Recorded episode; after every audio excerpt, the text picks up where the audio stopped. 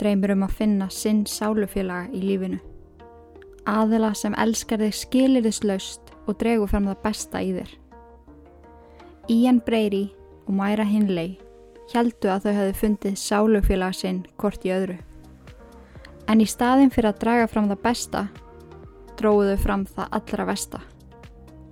Frá árinu 1963 til 1965 nærðu þau hvort annað með dimmum og hræðilegum fantasíum sem hrættu líftóruna úr bæjabúum Manchester.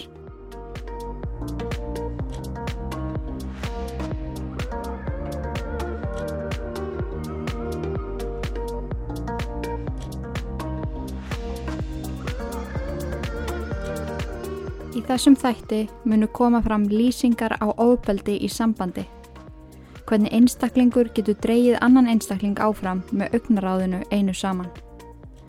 Við munum ræða það hvernig áhórandi er ofta tíðum ekkert betri en gerandin sjálfur. Hver tengir ekki við að ganga auka leið bara fyrir ástena? Segja og gera eitthvað sem hann er langar ekkert til?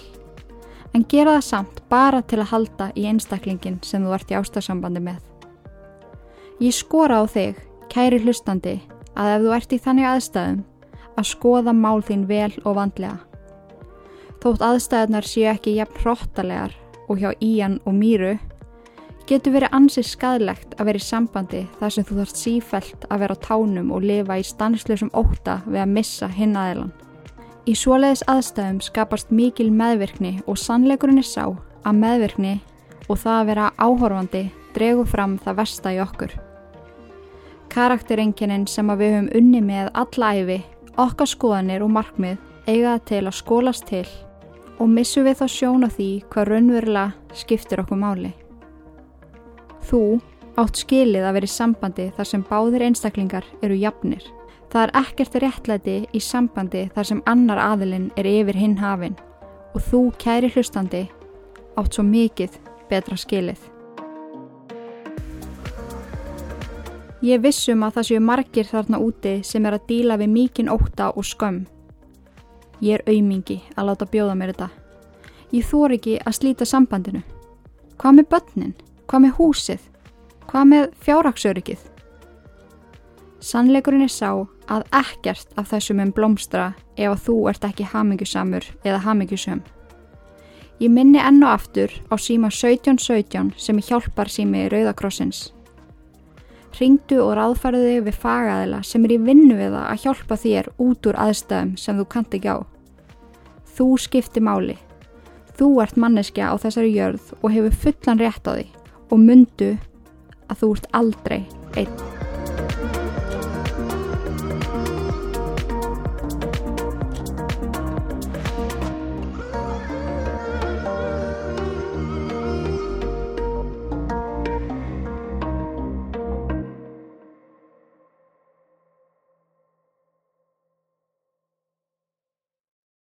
Komið sæl og verið hjartanlega velkomin.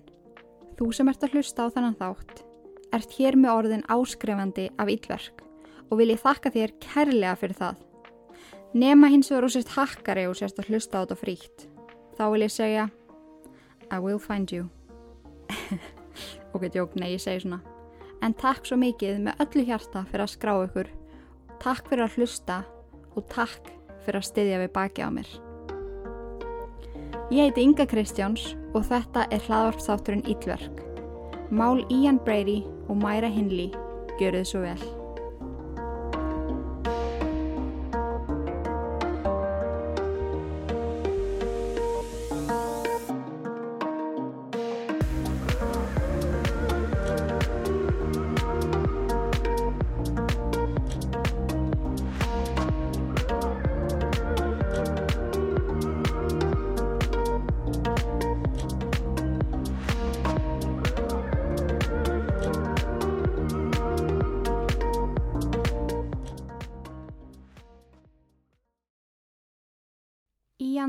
Duncan Stewart fættist hann annan janúar 1938 í Glasgow, Skotlandi. Hann var sonur Peggy Stewart sem var einstað móðir sem vann á matsulustað á lítilli gungugötu nála teimilið þeirra. Fadur hans var aldrei einn í myndinni og vegna mikill að erfileika með að ná endum saman gaf móður hans hann upp til ætleðingar þegar hann var aðeins fjögur að mánaða gamall. Parið sem ætleðan hétt Marianne Sloan og Lucas Sloan. Móður hans heimsóttan á nýja heimilið fyrstu 12 ár æfans en þegar hún kynntist verðandi eigimanni sínum hætt hún að heimsækjan og flutti frá Glasgow. 11 ára gamal var Ían fann að reykja pakka af síkaretum á dag. Skap hans fór versnandi með aldrinum og átti fóldra hans sem ætletan erfitt með eiga við hann. Hann dundaði sig við að kasta steinum í rúður, likla bíla og pinta dýr. En hann kastaði einu sinni ketti fram að horri byggingu. Hann hafi gaman að því að heyra köttin veina á leiðinni niður. Nágrann hans var einnig vittni af í hann grafa kött lifandi. Hún var langað að vita hversu lengi hann myndi lifa áður en hann kapnaði undir moldinni sem betur fer náði nágranninn að bjarga kettinum í tæka tíð. Eins og við höfum komist að þá er mjög algengt að morðingjar pynti dýri æsku. Það var ekki fyrir 1970 sem þessi tenging var viðukend og loksins þá farið að skoða betur af hverju börn gera svona lagað. En börn sem pynta dýr hafa mjög líklega hort upp á eða gengið í gegnum eitthvað skona tráma. Rannsóknir sína að 30% batna sem að pinta dýr hafa orðið vittni á ofbeldi mellir móður og föður og beita svo dýrin sama ofbeldi og barnið sá heima hjá sér. Þótt að sé ekki vita um eitthvað sérstakt tráma sem átti sér staði lífi í hans, má reyki hegðun hans til blóðmóður hans. Það er mjög algengt að börn sem eru ætlit upplifi höfnun, reyði og lélega sjálfsýmynd. Þótt flestir sem eru ætlitir lifi eðlilu lífi og vaksi úr grasi sem eðlilegir og heilbreyðir einstaklingar þá eru dæmi um mjög skadlega hegðun þeirra sem voru ætlitir í æsku. Það fer auðvitað eftir aðstæðum, en það að komast að því og sért ætlitur getur verið alveg hryllilega erfitt fyrir suma, en mamma í hann gaf hann upp þegar hann var fjóra mánaða gamall. Það hefur mögulega rugglaðan verulega í rýmunu hvað hann kom reglulega í heimsókn. Hann hefur fundið þessi sterku tengsl sem voru í raun tengsl móður og sonar, en síðan hverfur hún bara allt í hennu. Peggy aðtugaði aldrei aftur með hann eftir hún gifti sig og fór frá Glasgow. Svo íanleitli hefur á öllum líkindum litið á þetta sem mikla höfnun og út frá því orði reyður og ekki kunnað að fara með tilfinningar sínar. Á milli 14 og 15 ára aldus fekk Ían tauga áfall. Hann fór að upplifa hræðilegar ofskenninir þar sem græn vera þeittist framhjánum í tíma og ótíma. Hann sagði frá því sjálfur að á þeim tíma hefði hann talið þetta vera andlið dauðans. Á þessum tíma voru greiningar geðsugdóma bara alls ekki jafn algengar og þar er í dag. Svo hann fekk aldrei aðstöðuna sem hann þurfti. Hugsanir, tilfinningar og hræðsla hræðust um í hausnum á hann um í allan ennan tíma. Þangu til að varðum seinan. Geðleiknar sem að skoða mál í hans telja að hann hafi öll einkenni geðklóa. En geðklóar skiptast í mörg steg og var hann á því allra hæsta. Hann fór á stunda það að ræna úr verslunum, bílum, stilast inn á heimili fólks og taka verðmæti. Hann var svo börstaður rétt fyrir 17. ammælstægin sinn og þurfti hann að setja inni í nokkra mánuði. Þegar hann var svo leistur úr vistinni skipaði dómarinn honum að flytja frá Glasgow og eina úrræðið sem var í bóði var hann þurft að fara aftur til blóðmóður sinnar, Peggy, sem hafði þarna sestað í Manchester með eigimanni sínum. Það að flytja um set hjálpaði í hann ekki neitt Hann lokaði sér meira af en nokkur sinni fyrr og sökti sér í bókmentir sem voru líklega ekki mjög hotlar fyrir svona veikan einstakling að lesa. Hann var heldtekinn af öllu sem að Hitler hafi gert og skrifað og kunni nánast bókina Mein Kampf utan bókar. Hann var einnig heldtekinn af bókum Markita Sat sem er talin hafa verið guðfæðir satanískra trúar. En í þeim bókum er talað um óbeldist fullar kynferðislegar fantasýr fórnir, nöðganir og fleiri hræðilega hluti. Það kemur því kannski ekki óvart að setna meir þegar Ían útskýrir görðu sínar koma þessar bókmentur upp. Allt sem stóð í bókinni átt að réttlæta þessi fór fram í hugans og einnig að réttlæta allt sem hann síðan framkvæmdi.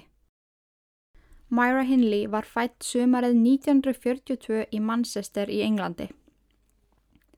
Fadur hennar rak apotek og mamma hennar vann í afgreðslinni. Heimilegina var fullt af ástóðumhyggju en á sama tíma voru strángareglur um hvernig átt að haga sér og hvernig átt að tala við fullóðna. Amma hennar og Afi byggu tveim húsum frá þeim og eittu þau miklum tíma með barnabörnunum. Þegar það var mikið að gera hjá fóruldramennar í vinnunni fór Mæra og litla sýstir hennar til ömmusinnar og afa og eittu þar mörgum góðum stundum. Mæra dyrkaði litlu sýsti sína og passaði alltaf vel upp á hana. Það mátti því kalla Mæru eðlilegri einstakling ef að svo má orðið komast. Hún átti marga vini og var vinsæl með að samnefnda sinna alla sína skólagöngu. Maður spyr sig að því hvernig svona venjuleg stelpa getur heitlast af mannesku eins og í hann. Sálfræðingar og gæðlegnar sem hafa skoða mál þeirra setna meir komist að því að Mæra var alltaf uppfull af eigin ágæti. En það er ekkert að því að vera meðvitaður af eigin ágæti en ef það stýður til höfuðs getur það komið út á hrókufullan og óheillandi hátt. Hún vissi alltaf að henni væru ætlaðir stórir og mikilvægir hlutir sem er auðvitað frábært að einstaklingur upplifi en hún taldi sig alltaf yfir aðra hafinn. Það var aldrei neitt nóg góðu fyrir hana nýja verður hennar aðtegli. En þessi persónuleika enginni benda til þess að Mæra hafi þróa með sér sjálfs upphifingar persónuleika röskun eða narcissist eins og það kallast á ennskunni góðu. Einstaklingar með þessa röskun eiga til að ráðskast með tilfinningar annara og eru góður í því að rýfa aðra niður án þess að segja mikið. Enginnin koma yfirleitt fram í kringum unglingsaldur en það sem hefur ekki hjálpa Mæru ef að þessi röskun var að taka yfir var áfall sem hún lendi í þegar hún var 16 ára gömul. Góðu vinurinnar sem bjó í sömu götu bað hann að koma með sér að synda.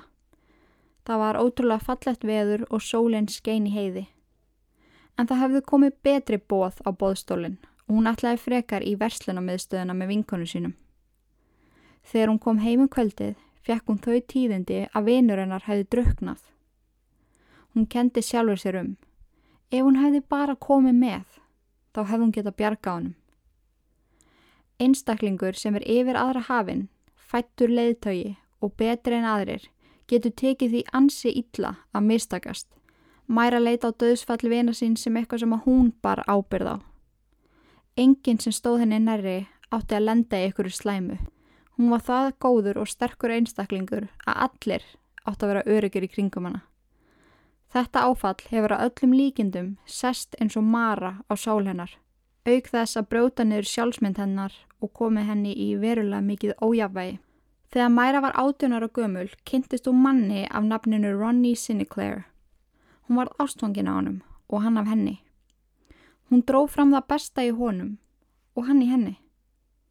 Hann baða hann um að giftast sér halvu ári eftir að þau kynntust og hún játaðist bónurðinu. Nokkrum dögum síðar sleit hún trúlofuninni. Hún gati ekki gefið Ronny mjög góða útskýringu á því afhverju en sagði svo setna meir að hann hafi verið allt og vennjulegur. Hann hafi ekki stemt á neitt sérstakt og henni hafi döðleðist í sambandi með svona meðalmennsku Jóni. Það var ekki fyrir hún kynntist Ian Brady sem gati ekki verið lengar frá því að vera eðlilegur sem hún sperti fyrst eirun. Þegar hún kynntist honum átti allt eftir að breytast. Þessi kynni urðu vendipunktur í hennar lífi. Hún var 18 ára og hann 23 ára. Á tveim árum átti Ian eftir að breyta mæru og nokkuð eðlilegri stelpu yfir í satanískan morðingja. Þau kynntust í Millridge Chemical District Distribution Company í Manchester sumarið 1961. Mæra var strax yfir sig heitlaða í hann sem gaf henni ekkit allt og miklu aðtegli. Hún var stundum lengur í vinnunni bara til að geta horta hann. Hún skrifaði um hann í dagbókinu sína nær daglega í heilt ár. Á eina síðun að skrifa hann. Oh, ég vona hann muni ykkur tíman elska mig og ég vona að muni ykkur tíman giftast mér. Hrifningin sem Mæra bar til í hann jæðraði við áróttu. Hún fylgdist með honum og reyndi að leggja allt á minnið sem hann sagði og gerði. Það var eitthvað við hann. Hann hafði þessa dimmu hlið sem henni fann svo ótrúlega heitlandi. Á meðan aðrir samstarfsfélagar þeirra forðuðust í hann, áttu erfitt með eiga samræði við hann og ég raun tippla á tánum í kringum hann var mæra bara skotnar í honum með hverjum deginum sem leið. Hann var það sem hún var að leita af. Spennandi, myndalegur og ófyrinsjáanlegur. Annað en þessi meðalmennsku jón sem hún hefði verið trúlofið. Mæra reyndi hvað eftir annað að ná aðteglans sem var bara alls ekki að ganga.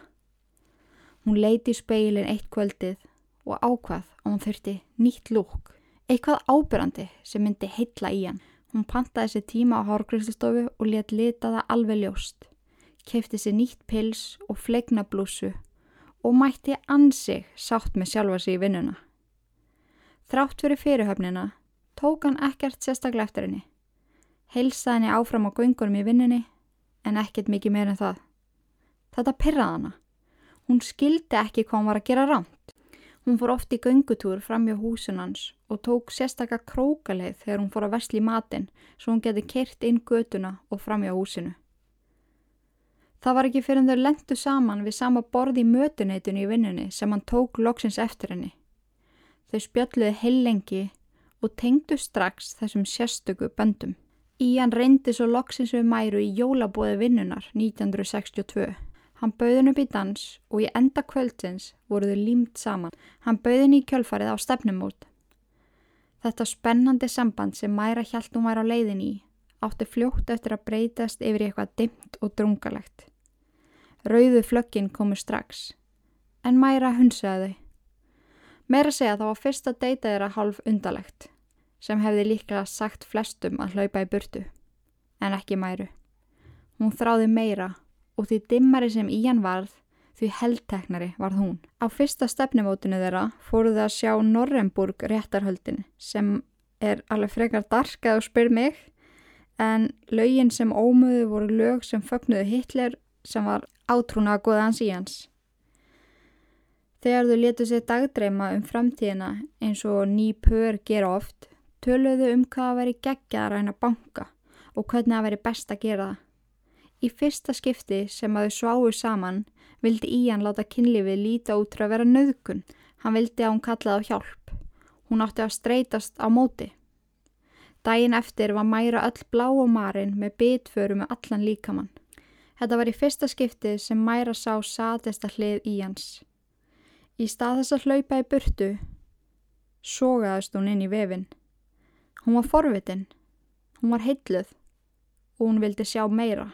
Ían hjælt áfram statt og stöðut að sjá hversu langt hann kæmist með hana, hversu langt hún myndi ganga fyrir hann.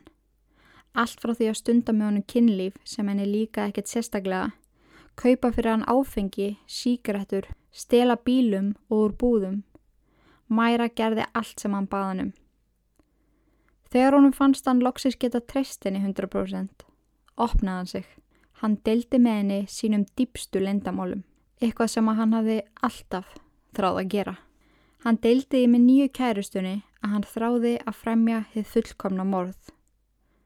Hann hafði planaða lauslega í huganum en hann vildi að hún tæki þáttið í. Þessi bón hakkaði mæra ekki sem segir okkur það að mögulega við hún líka verið með eitthvað svona kynferðislega brenglun. En sumir einstaklingar fá kynferðislega örfun frá ofbeldisfullu maka eða íllum maka sem vill gera eitthvað slemt við aðra. Miða við viðbröð mæru var líklegt að hún fengi eitthvað útrúsu. Það heitlaði hana að hann tæki stjórnuna og það heitlaði hann að hún var algjörlega tilbúin að taka þátti í öllu sem hann vildi. Í þeirra augum voru þau hið fullkána par. Bonnie og Clyde draumurinn. Ári eftir að þau byrjuðu saman og tveim árum eftir að þau byrjuðu að vinna saman settuðu af staðplan til að fremja hið fullkomna morð. Mæra átti að vera tálbeitan sem kyrði um og lokkaði fórnalömpin að. Á meðan Ían fyldi eftir á móturhjóli. Þegar hann hafði ákveði hvaða fórnalamp erði fyrir valinu blikkaðan ljósinu á mótuhjólunu til að gefa mæru merki um að hefjast handa við að fá fórnalampið inn í bíl til sín. Því næst átt hún að keira með fórnalampið á afskektan stað og Ían myndi fylgja fast og eftir. Eins og kom fram fyrir þættinum var Ían búin að dreyma andlið döðans, fljótandi um fjöllin og náttúruna á afskektum stað. Hann vildi fylgja þessum draum eftir. Í þetta skipti var hann andlið döðans. Ían valdi svæði sem kallast uh, The Moors en þar var náttúrann falleg og óspilt. Það fóru ekki margir þangað nema reyndir fjallgöngugarpar sem voru ekki margir á þessum tíma. Þessi staður var fullkomin og þarna myndi parið framfylgja fantasíum sínum um við fullkomna morð. 12. júli 1963 fóru Mæra og Ían á fyrsta rúndin í leita fórnalambi. Þau kerðu fram hjá lítilli stelpu. Mæra tók vartla eftir henni. Það kvartlaði ekki að henni að fórnalömpin ætti að vera börn, svo hún horfi eftir fullotnum einstakling, helst konu á tvítugsaldri. Þegar Ían blikkaði ljósinu á mótuhjólinu brá henni. Hún hjælt hann hefði eitthvað rugglast og leiti í speilin. Hún sá það í andlitin á honum að honum var alvara. Þessi litla sjóra stelpa átt að verða fyrsta fórnalampið og það var starfmæru að lokka henni bíl til sín. Hún hikaði fyrstu en hugsaði svo með sér að ef þetta væri það sem Ían vildi myndi hún gera það. Hún var tilbúin að gera hvað sem er svo Ían myndi elskana að eilifu. Þegar Mæra fór nær stelpuna á bílnum óg hún framhjá. Hún hittnaði öll og svitadrópi ranniði mænun á henni. Hún stoppaði bílinn og Ían kerði mótihjólunu upp á glukkanum bílstjóra megin. Hvað er það eiginlega að gera? spurðan. Akkur tókst ekki mark á merkjunu sem ég gaf þér? Mæra útskýrði að hún gæti ekki gert þetta þar sem hún þekkti stelpuna. Þetta var bara nágrannakonunar. Litla stelpan hétt Mary Rock og fóstundum út að lappa með hundin hennar Mæru. Það væri allt og hættulegt að drepa eitthvað svona nákomin henni. Barni myndi þekkjana. Þetta gekk bara ekki upp. Ían var augljóslega pyrraðar á henni. Það er ekki hægt að blanda tilfinningalegum tengsluminn í málið. Þetta var lítill bær og ef hún ætlaði að hugsa svona myndi plan þeirra aldrei gangu upp. Ían sá það á henni að henni leið óþægilega svo hann skipaði henni halda áfram að keira í leita nýju fórnalambi. Það að mæra þekkti litlu stelpuna bjargaði lífi hennar ennan dag. En það sama gildi ekki um hennar 16 ára Pauline Reed. Þegar parið keirði fram hjá henni blikkaði Ían ljósónum og mæra stoppaði bílinn við hlið Pauline. Þegar Mæra sá framann í hana hikaði hann aftur. Pólín var besta vinkona litlusistu Mæru sem var augasteinin hennar í lífinu. Hún gati ekki gert þetta. Hún horfið í baksinni speilin og sá að Ían yðaði á hjólinu. Þau voru ekki að fara að sleppa öðru fórnalambi.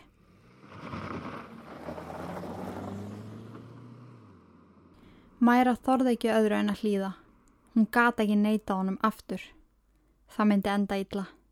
Kanski fannst henni Pólín auðveldari bráð þar sem að hún var eldri en fyrra fórnalamp. En líklegast var ástæðan svo að Mæra var döðrætt við í hann. Pólín var á leiðinni á dansleiki í skólanum. Hún var klætt fínum kjól, lakkskóm og sítt hárið fjall fallega niður á axlirnar á henni. Hún brosti sínu breyðasta þegar hún sá Mæru. Hún þekkt hennar vel og hilsaði. Mæra spurði Pólín hvort hún ætti ekki að skuttlenni. Hún get ekki hort upp á hann að skýta út fínu lakkskona. Pólín var henni afar þakklátt og þáði farið. Mæra spurði Pólín hvort hún geti aðeins hjálpa henni áður en hún skuttlaði henn á ballið. Hún sagði henni að hún hafi týnt rándýrum leðurhanska á mórsvæðinu þar sem hún hafi verið í gunguferð með hundi sinn fyrrum daginn. Pólín sagði að væri alveg sjálfsagt. Hún hafi lagt að stað fyrir á dansleikin þar sem hún hjælt hún þurft að ganga alla leiðina. Fyrst hún fekk far, hafði hún nægan tíma og gatt vel hjálpað henni. Á leiðinni spurði Pálín hvernig hanskinn leti út og hvar hún hefði nákvæmlega verið að lappa. Hún sæði Mæru að hún hefði fulla trú að þar fyndu hanskan. Stuttu eftir að þær komu á mórsvæðið kom Ían til þeirra. Mæra sæði Pálín að það væri kæristan hennar og hann ætlaði að hjálpa þeim að finna hanskan. Ían stakk upp á því að þau skiptu liði. Göngutúrin með hundin hafi ekki verið það langur og þau hliti að vera snögg að finna hanskan. Ían segði Pálín að koma með sér niður brekkuna sem lág niður í fallegan dal. Mæra átt að vera á svæðinu þar sem bílinn var lagður og leita þar. Pálín heikaði ekki og fór með honum og skemaði eftir hanskana. Þegar Ían og Pálín voru horfin úr auksín fór Mæra afturinn í bíl. Hún satar í 32 mínútur og beigð, vitandi það að dagar Pólín varu taldir. Þegar Ían kom tilbaka, skepaði hann mæru út úr bílnum. Hann fylgdi henni að Pólín sem lág á milli lífs og dauða í moldinni. Hann hafi skorað hann á háls. Fíni kjóllin var allur tættur í sundur. Mæra vissi að hann hefði nauðgað henni líka. Þótt hann hefði ekki bent. Hljóðin sem að koma úr koki í Pólín voru hræðileg og Mæra vildi óska að þau myndi stoppa. Ían sagði henni að býða hjá Pauline á meðan hann sótti skoblu, svo þau getur grafið fyrsta fórnalambi sitt. Mæra stóð hjá Pauline og beigð. Hún horfið á hana og fann ekkert. Samband hennar við Ían skipti svo miklu máli að hann var alveg sama þótt hann hafi nauðgað og síðan drepið vinkonu litlusistur hennar. Ían kom svo tilbaka með skoblu og hófst handa við að grafa djúpa hólu.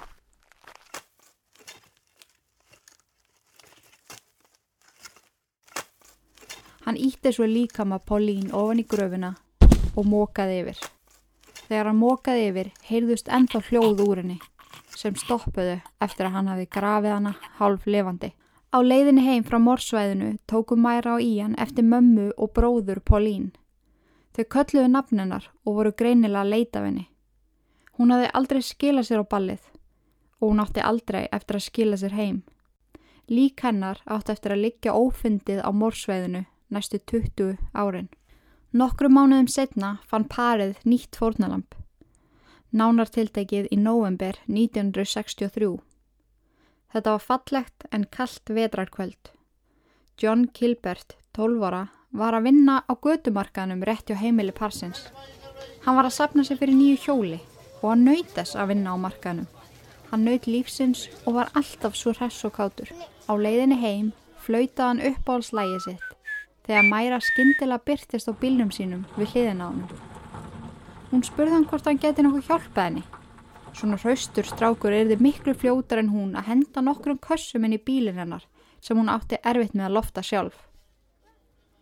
Þetta var í síðasta skipti sem hann sást levandi. Enn og aftur var Mæra ábyrg fyrir því að lokka barn inn í bílinn sinn. Móður John segi frá því setna meir að hún hafi alltaf kent stráknu sínum að passa sig á ókunnugum mönnum.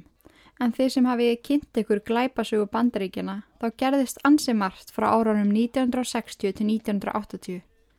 Á þeim tíma gengu þeir alla þekktustu fjöldamorðingir um, sem voru jú allir kallmenn.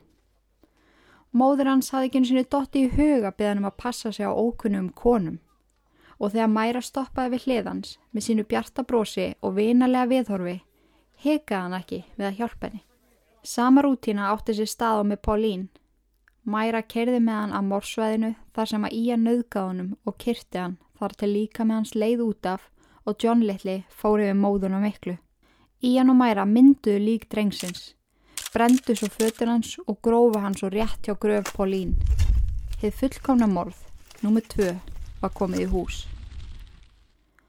Áður en þau lögðu af stað aftur heim krafðist í hann þess að mæra pósaði ofan á gröfinni, sem hún gerði, með litla hundi sinn í hægri hendinni, sem hafði orði vittni af þessu öllu saman.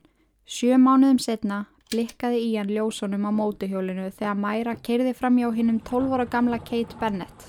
Hann var á gangi heim til ömmu sinnar með körfu fulla af bröðmöti og sultu sem að mammans hafði úbúið fyrir aldra á móðu sína. Hann komst hins vegar aldrei til ömmu sinnar Þau beittu sömu aðferð og kýð sem fjall fyrir ráðabrökinu. Í að nauðgáðunum og kirtan.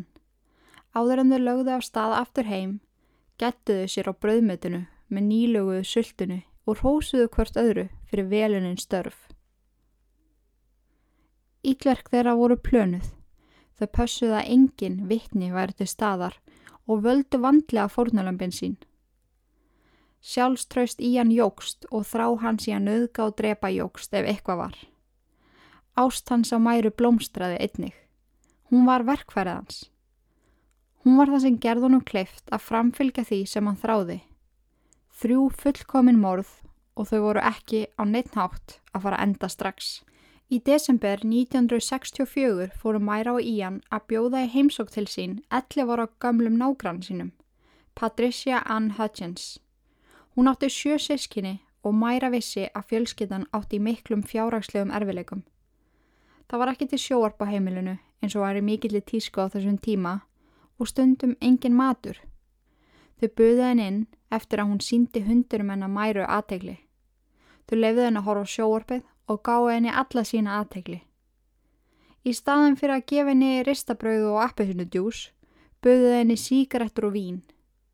Í heimsóknunum reykti unga stelpan stundum heilan pakka og drakk heila flösku af víni með. Patricia sótti í heimileðra og kom reglulega. Hún nöyð aðteglinar. Eitt daginn fóruðu með hann í bíltúr að morsveðinu. Þótt Ían hafi nöðgáð og drepið þrjú börn á þessum tiltækna stað, hlýfði hann lífi Patriciu. Þau gengu um svæðið, spjölluðu og drukku vín. Eftir ferðanar skuttluðinni heim og þökkuðu henni fyrir dásanlegan dag. En af hverju allir þau hafið hlýft henni?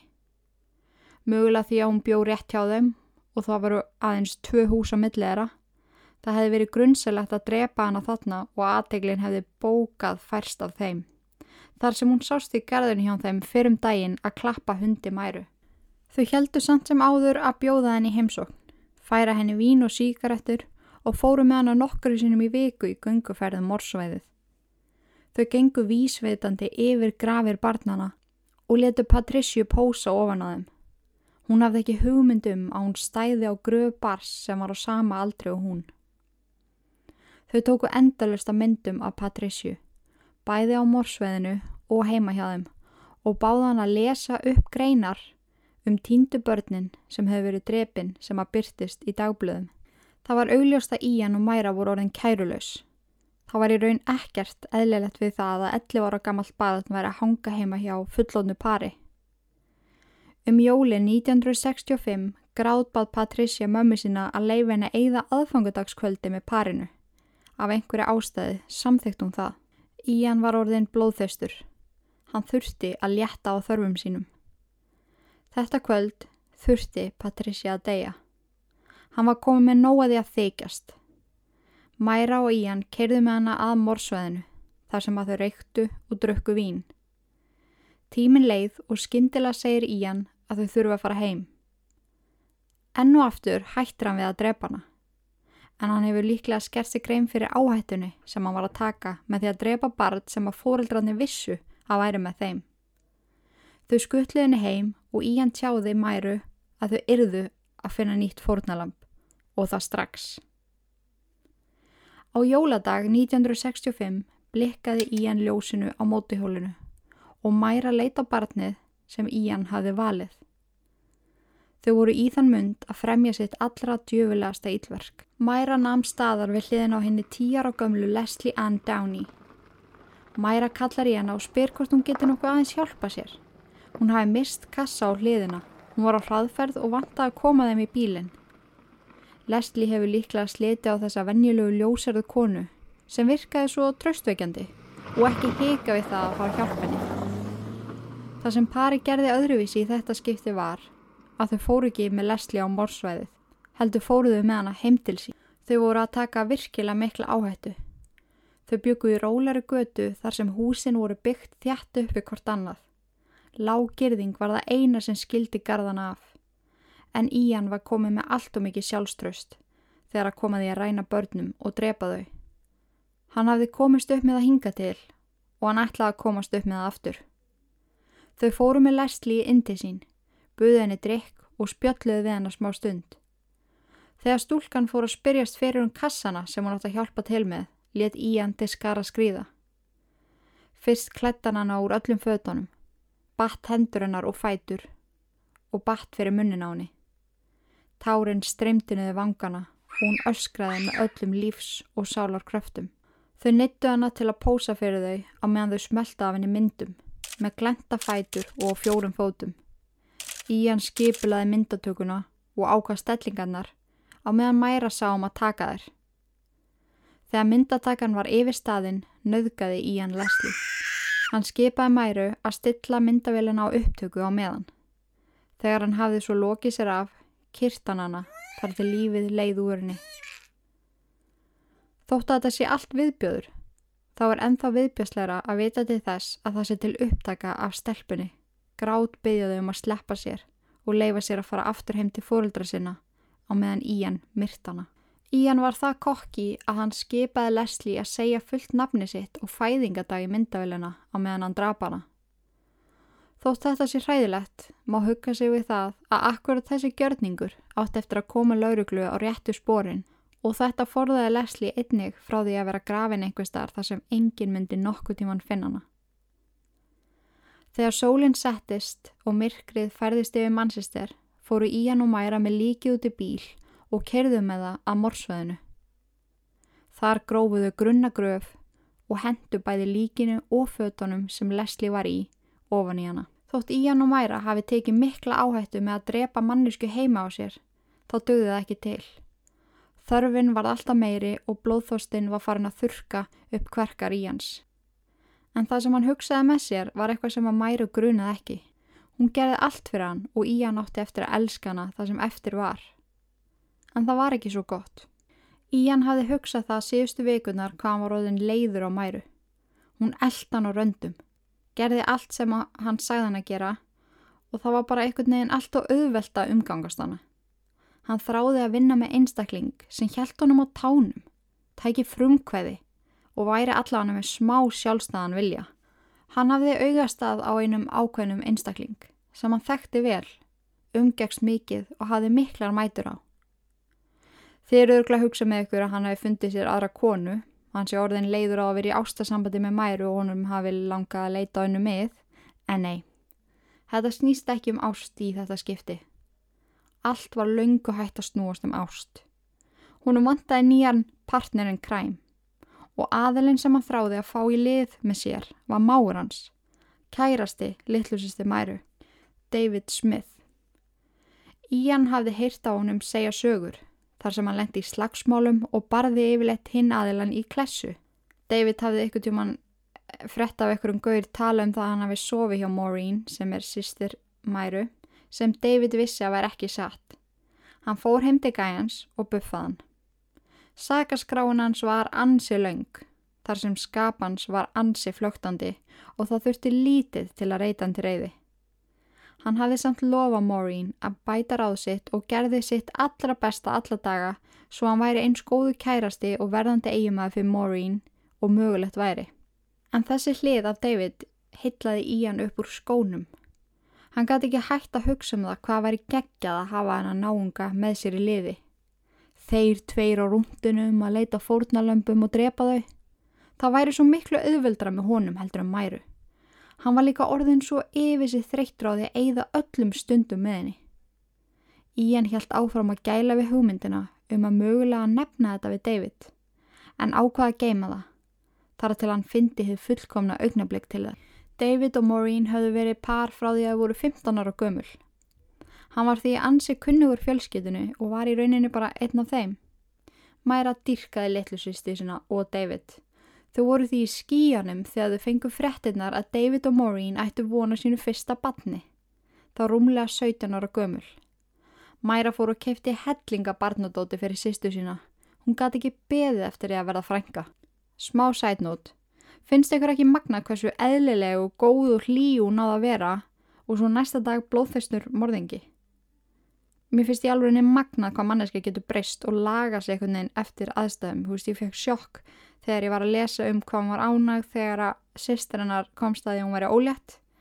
En nokkru dögum áður var hún að hjálpa kærastarinn sínum að finna fórnalam til að nauðka drepa og grafa svo. Þú veist hvernig er þetta hvernig er þetta bara physically hægt? Maureen og David ákvaða að gifta sig áður en barnið þeirra kæmi í heiminn. Aðtöfnin var lítil en alveg ótrúlega falleg. Ían og Mæra segja setna meira að þetta hafi verið besti dagur lífstöra. Þau glöttust yfir því að sjá unga nýgifta parið svona hamingjusamt. Mæra og Ían leiðu snekju, eða svona seglskútu snekju, hvað sem þetta kallast, í heilan dag. Þau ætlaði að gefa turtildónum þetta í brúðköpskjöf. Þau fylgtu bátinn af góðum vínum, ávöxtum og gotteri og ætlaði að eiga með þeim eftirminnilegan dag. Þrei mánuðum eftir brúðkaupið kom hinn fullkomna Angela Dawn í heiminn. Maureen og David voru yfir sig ástangin af dóttur sinni og sama mátti segja um Mæru og Ian. Þetta barn átti eftir að fá alla heimsins aðtegli og vera elskað úr öllum áttum. Því lík blessun sem þessi litla stúlka var. Hún breytti ekki bara hjarta fóröldari sinna, heldur líka hjarta í Ian, sem snarlega glemti öllu því illa sem hann hafi gert þegar hann horfið í augun á Angelu. Draumurinn um að vera drapsfélagi pappennar fór út um glukkan. Svo virtist sem Angela Dawn hafi leitt alla á rétta braut Meira segja skrýmslinn, Mæru og Ían. Heimir þeirra brotnaði svo í þúsund móla þegar Angela var umlega sex mánuða gömul. Þegar Maureen ætlaði að taka hann upp úr vökkunni, eitt morgunin, tók hún eftir því að hún andaði ekki. Angela hefði dáið í svefni og engin orsök komið í ljós og var þetta líst yfir sem vöggudauði. Engin var samar eftir þetta. Samband Maureen og David var stíft og í stað þess að standa saman í gegnum þessa erfiðu tíma færðustu lengra og lengra í burtu frá hvort öðru. David var dagdrekkjumadur, fekk mikil reyðuköst og beitti Maureen ofbeldi. Þegar hann misti dóttu sína kom stórt svartól í sálinans sem ekkert átt eftir að geta fyllt upp í. Viðbjóðurinn sem í hann var sáð hann á tækjafæri og hugmyndin um að fá sér nýjan glæpafélaga poppaði upp í kollinum enn á ný. David þyrti að losa um reyðina og haturinn út í lífið og í hann gætt svo sannlega hjálpa honum með það. Hann fór að beita svipaðri tækni á David og hann hafi gert með Mæru fyrst. Ræða við hann um hatu sín á geðingum og ást sín á Hitler. Hann vildi sjá hvað hann hefði David. Þegar honum fannst hann taka undir það sem hann sagði, lánaði hann honum bækur. Main Kempt, satista bækur, síðan fór hann að nefna við hann bankarán. Og hvort hann hafi nota bissur og hvort hann myndi þóra að nota bissur. Ángríns þá notaði hann bara nákvæmlega sömu taktík og hann hafi gert við mæru. Einu munurinn var hann var ekki að reyna að sofa á David, þannig að það átti eftir að verða ögn erfiðara að fá hann á sitt band. Mæra horfið upp á þetta alveg sót íll. Hún vissi nákvæmlega hvað í hann var að gera. Hún þekkti alveg aðferðinar hans. Hún skildi ekki akkuru, hún var ekki nóg fyrir hann. Hún hafi gert nákvæmlega það sem hann sagði hann að gera og yfirleitt gekk planið upp. Henni líkaði líka illa við að hann væri að blanda David inn í þeirra mál. Hún vildi ekki koma sýstu sinni í neyn vandraði. Hún átti samt aldrei eftir að þóra að segja eitthvað við í hann. Hún vissi betur. Frekar skrifa hann í dagbókinu sína og losaði um reyðina. Hún neittist til að setja hjá og sjá hvert þetta færi. Í hann reyði ferðinni og það átti hann alltaf eftir að gera. Hún var bara peð, först í þessu ógeðfældlega tablans. Ían hjælt áfram með plottið og lagði fyrir David alls konar test. Hann þurfti að koma staði hvort hann væri sá rétti í lið hans.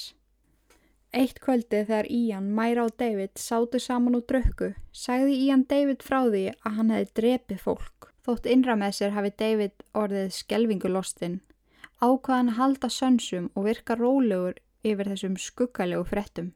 Ían lísti fyrir honum hvað hann leið vel eftir að hafa drepið hvað spennan við að finna nýtt fórnalamp væri mikil og hversu mikið þetta gaf honum. David hlustaði á hann með aðtegli og skauti svo að. Veistu, ég, ég trúi þér ekki. Ían stóð snögt upp úr sófanum, gekk ringi í stofunni, greinlega pyrraður yfir því að vera sakar um að ljúa.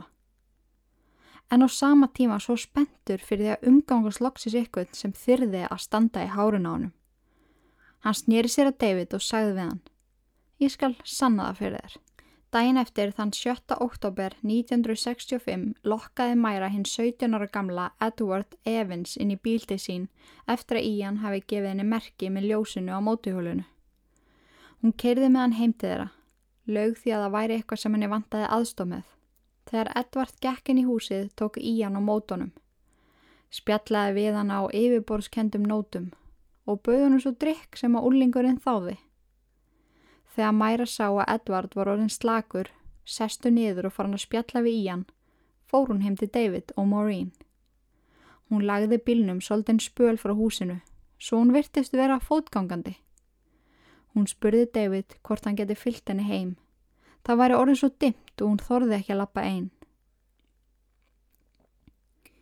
David samþekti það og gekk með henni. Þegar Ían sáðu koma, bauðan David inn fyrir rétti honum drikk og kynnti hann fyrir Edvard sem var þarna búin að sporður hana þrem vínglösum. Fjórmenningarnir settist inn í stofuna og fór að spjalla. Edvard spyr svo í hvað átt baðherbyggi væri og í hann bauðst til að sína honum það. Eftir nokkra mínútur heyra Mæra og David þetta hryllilega öskur. Þau spretta á fætur og í átt á baðherbygginu. Þau frjósa í hurðinni og horfa á í hann berja Edvard aftur og aftur og aftur í höfuðið með exi. Ían snýri sér að David og saði við hann Trúurum mig núna? David leita mæru sem brosti létt og yfti aukslum. Það rann upp fyrir honum að þetta var allt saman planað. Mæra og Ían höfðu lokkast strákin í saminningu heim. Sótt hann svo vísvitandi til að sanna fyrir honum að þau varu morðingjar. Þótt hann væri algjörlega stjarfur og kom alltaf upp orði, gerði hann sig grein fyrir því að nú er þann að leggja fram rétt spil. Því ef hann myndi gera eitthvað vittlaust í þessum aðstæðum, væri hann næstur. Hann myndi liggja á gólfinu, hokkin í tætlur við hlið Edvard á baðherbyggisgólfinu. Hann brosti til í hann og sagði, já, já, já, já, ég, ég trú þér. Egu ekki, að þrýfa? Hann hjálpaði þeim að þrýfa upp allt blóðið, þrýfa fötin af í hann og vefja líkinu inn í ruslaboka. Hann náði að vera það samfærandi að Mæra og Ían trúðu því að þau varu komið nýjan meðlim í klanið. Nú færi þetta loksins að verða spennandi. Ok, smá fun fact. Ok, ekki fun fact, en samt mjög áhugavert.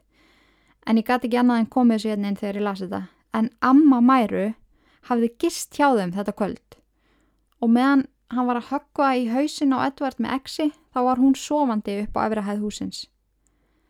Já, einmitt. Á meðan þetta fór allt saman fram. Hún var hann gömul og veikona með liðlega heyrð en þegar þetta var allt yfirstæði þá kallaði hún samt sem áður niður stígan bara hvaða læti eru þetta og Mæra var bara eitthvað ekkert maður mín ég misti bara disk í golfið og hún bara já, hafið þið hljóti ég reyna að sofa hérna og fó bara aftur að sofa hversu fókt oppið það hvernig leið henni bara þegar hún fretti af þessu en ok, ég varða að fá að pota þessu hérna en mér fannst þetta mjög skrítið eins og þetta máls ekki allt bara mjög skrítið en þetta var svona ekstra skrítið. En þau ákvaða að fara með líki dæin eftir á morsveiðu og grafa það. Þanga til myndi það liggja í geimslunni. Þegar allt hafi verið nokkuð vel afgreitt, settist tríkið aftur inn í stofu. Ían og Mæra fóru að tala um hversu sóðalegt þetta hefði verið með við öll hinn morðin sem að þau hafðu framið. Hvað þessi hefði gargað mikið. Þau lístuði í smáadriðum hvernig þau fóru að í hvert skipti. David virtist hlusta með aðtegli en í huganum planaðan hvernig hann geti sloppið frá þeim. Hann ákvaða nefnaði ekki að fyrrabræði að hann þýrti að fara heim, heldur ætlaði hann að býða eftir að þau voru orðin þreytt og vildu fara að sofa. Hann varð að halda rósinni. Það rann svo loksins upp sústund að Ían og Mæra söðust ætlaði að fara í háttin og myndu heyra í honum á morgun og þá myndi hann hjálpa þeim að fara með líkið á morsveiðið og grafa það. Hann þakkaði fyrir þakkaði fyrir frábært kvöld, skrifaði ég það bara. Ok. Hann þakkaði fyrir frábært kvöld og straujaði heim til sín. Vakti Maureen og sagði henni allt sem hafi gæst. Þá tók Maureen smá stund að meðtaka allt sem hann var að segja. Skiljanlega. Hún trúði því varla að hennar heitt elskaða sýstir geti gert svona viðustykkilega hluti. Hún ákvað samt að trú honum og þau fóru saman í tíkallasíma lengst frá heimilinu sínu og ringdu á laurugluna. Þau gáfu ekki upp nöfni sín. Því sannleika sagt var David logandir hættur. Löðreglan fór beint á heimili í hann og mæru. Söðustur að með leitarheimild vegna ábendingar sem að þau höfðu fengið fyrir um kvöldið.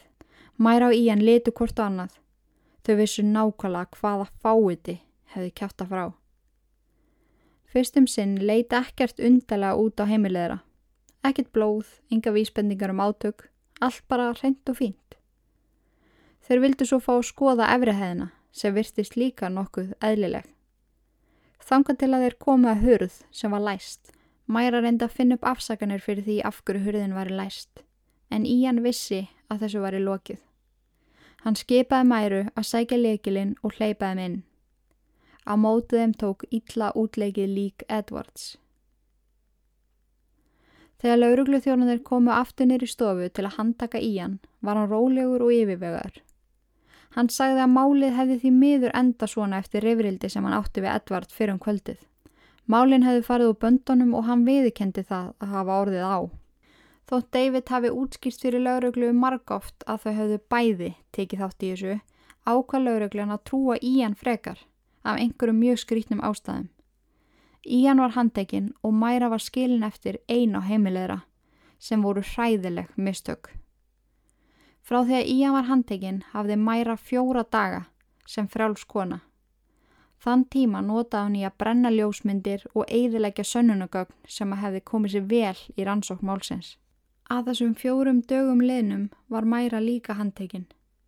Með aðstóð David var hægt að linka hana við glæpina og næg sönnunagögn voru á borðinu til að negla hana fyrir morðið á Leslie Ann Downey.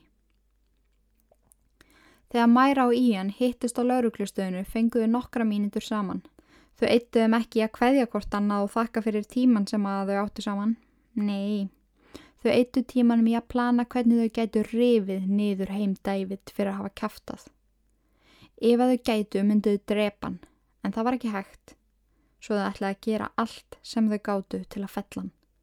Þau tengdu saman sögu sínar, svo þegar þau fóru í yfirherslu myndi vera samhljómur um tengingu David um morðu og Edward. Þau tjáðu lauruglu það að þau hefði ekki átt neitt með það að gera. Hvorugt þeirra? Það morð hafi allt verið á David og hann var að klína þessu á þau. Það er alveg magnað hversu miklum sannfæringakrafti þau byggu yfir. Því eftir ákveðin tíma og með því að hjakkast á sömu sögunni náðu þau að sannfæra lauruglu, fjölmila og því miður marga af fjölskyldum fórnalampana að David væri alveg apsegur og þau. Þótt hugum margra hafi snúist og skoðinar og David skiptist í tvær fylkingar voru samt sem áður engar sannanir fyrir því að hann hefði tekið þátt í neinu af morðunum. Eina sem fólk hafi til að halda í voru orðin frá Mæru og Ían. David sagði lauruglu að ef þið triðunum ekki skild hann gera hvað sem er til að sanna sakleysi sitt og koma þeim tveim bak við lás og slá. Hann saði þeim frá því að hann vissi af geimslurými sem hafði leiðu í miðbæ Manchester og þar var í pottet fleiri vísbendingar að finna. Sett var að stað heljarinnar rannsók til að finna út staðsendingu á geimslurýminu. Eftir margra daga leit og eftir að hafa kempt hvern einasta geimslurými sem var til og hverja einustu kompu, fundu þeir þar sem þeir leitið af. Það var ekkert inn í geimslunni nema tvær ferðartöskur. Þegar það voru opnaðar, fundust þar þúsundir ljósmynda og upptökur. Á ljósmyndunum átti sér síðustu andatök fórnalampana og aðrar síndu fórnalömpin eftir að þau voru drepinn. Það var fjöldin allur að myndum á mæru standa á mórsvæðinu, standandi ofan á ykkur sem líktist gröf. Þegar upptökunni var skellt í videotæki á lauruglustöðinni, byrtist á skjánum hryllileg sín, ung stúlka, bundin upp í rúmi, nakin og hrætt. Hún grét og grátt baðum að vera látin laus og hún geti farið aftur heim til mömmu sinnar. Á upptökunni heyrðist hvernmannsrött segja Þegiðu, vertu góð. Síðan sést í hann nöðgastelpunni og kirkjana svo. Í loku vídeosinn sést mæra og bam! Sönnunagögnin voru komin í hús og loksins var hægt að koma mæru og í hann bak við lás og slá. Laurugla tók viðtal við Patricia, stelpuna sem var parið hjekk með öll kvöld nokkrum mánuðum áður. Hún sagði þeim frá öllu sem hafi gengið á þeirra á milli og þeir sem rættu við hana gátt ekki annað en hugsa með sér hversu ótrúlega stutt hún var frá því að verða fyrir sömu örlugum. Hún leitti lauruglu í gegnum mórsvæði þar sem parið hafi gengið með henni og ákvaða stöðum þau báða hann að pósa fyrir myndir. Með því að ræða við Patricio og fá hennar hjálp og leiðsögn tókst rannsóknateiminu að finna tvö lík þeirra sem Mæra og Ían höfðu drepið. Ían og Mæra fengu bæðið dóm fyrir morðu á Leslie Ann Downey þakks í sönnunagögnunum og geimslinni. Fyrstum sinn fekk Mæra ekki dóm fyrir að drepa Edvard. En eftir tvo mánuði að frekari rannsóknarvinnu fekk hann á sér dóm fyrir að hafa tekið þátt í að taka hann að lífi í september 1965. Það var ekki hægt að dæma Mæru fyrir morðið á Bill Kilbright en hún fekk ákjæru fyrir að hafa vita af því. Ían fekk 25 ára dóm fyrir öll þrjú fórnalömpin. Skarpir taka kannski eftir því að það vantar tvö nöfnaðun að lista. Keith Bennett og Pauline Reed. Þarna voru þessi tvö börn en þá bara tveir týndir einstaklingar og hafði lögregla ekki hugmyndum að hvarf þeirra væri tengt Mæru og Ían. Mæra og Ían sögðu heldur ekkert um sagt sína þegar kemur að þessum börnum. Tóttu hefðu fengið fullt að tækifærum til að segja sannleikan í gegnum réttahöldin en þau kusu að þeia. Þau sögðu heldur ekkert þegar það var sínt en myndirnar af sjálfum sér sláandi sönnunagögn og þau kusu að þeia. En myndirnar af þeim, verðurlauna myndirnar eins og þetta kallast, en morðingjar halda oft hátilegum einhvers konar minningum frá morðum. Sumir geima höfukúpur, nærföld eða skarkreipi fórnalamba, en þau geimdu ljósmyndir og myndirnar af þeim pósa ofan á gröfum fórnalamba sinna sögðu meira en þúsund orð. Laurugla fann lík John Kilbride út frá mynd af mæru pósa ofan á gröfans. Mæra síndi litlar tilfinningar sem engan í gegnum öll réttahöldin, þrátt fyrir að sönnunagögnunum væri tróðuð framann í hana. Hún síndi ekki eins og svipriði. Í einu skiptin þar sem náðust ykkur á tilfinningar í gegn hjá henni var þegar hundurinn hannar Puppet kom til tals. Þráttur að vera tilfinningulegs kaldreifiðað morðingi sem hafði enga samkend fyrir manneskjum var Mæra mikill dýravinnur og hún elskaði hundin sinn meira en allt annað. Rannsóknateimið vildi nota hundin og aldur hans til að finna út eitthvað skona tímalínu í málið. Mæra hafði miklar ágjör á því að lögreglun ætlaði að taka hundin sem síðan ljast í ferlinu. Mæra var svo reið að fangaverðinni réðu valla við hana. Hún skrifaði bref til móði sinnar úr fangilsinu þar sem hún sagði henni frá því hversu hræðilega henni leið. Mér líður eins og hjarta mitt hafi verið rifið úr mér. Mér hefur aldrei liðið jafn illa og ég hef aldrei verið jafn sár og leið á æfinni. Helvítis lögröglu fáiðar þeir hafa farið svo illa með hann að hann dó. Ég mun aldrei jafna mig á þessu. Míða við það hversu mikla tilfinningar hún síndi þegar að koma hundunum hennar var magnað hvað hann var tilfinningalauðs þegar að koma því að ræða börnin sem hún hæði tekið þátt í að myrða. Sama mátti segja um í hann. Þeim var alveg sama og þóttust í gegnum öllu réttahöldin koma að fjöllum. Eftir 14 daga af réttahöldum og aðeins 2 tíma fyrir kviðdóma ákveða sig voru þau bæði fundin seg 7. mæ 1966. Þau voru bæði dæmt í lífstíðar fangelsi.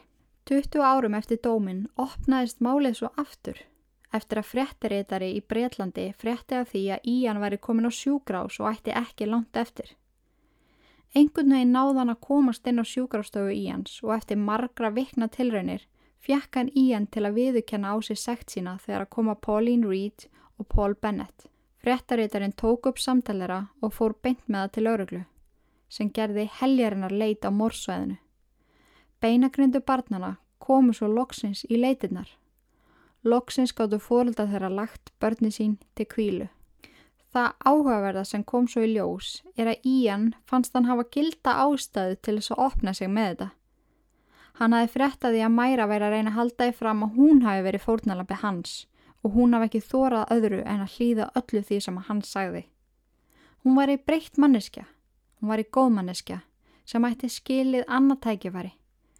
Hún myndi aldrei umleika sig fólki eins og í hann aftur og hún fullvisaði þá sem að vildi lusta að ef hún fengi annað tækifæri á að vera frjálskona myndi hún breyta rétt og reyna að hjálpa til með að gera heiminn að betri stað. Ían hjælt nú ekki.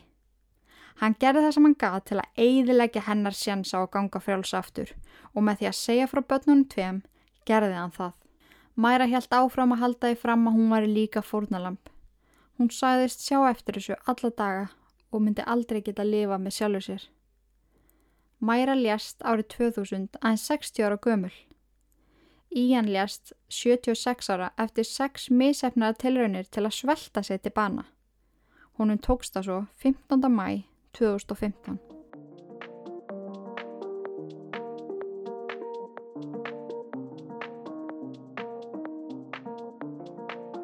En þetta var hefð sjúka mál Ian Brady og Myru Hinley með hróttalegri morðingum sem uppi hafa verið. Ég hlaka til að heyra hvað ykkur finnst, bæði um sambandi þeirra og eftirmála. Var Myra í alvörunni fórnalamp? Við heyrumst í spjallræði um málið mjög fljótlega. En þánga til, takk fyrir að hlusta, takk fyrir að vera áskrefandi, takk fyrir að vera til og í guðanabænum forðust öll ílverk nema þetta podcast. Verið sæl.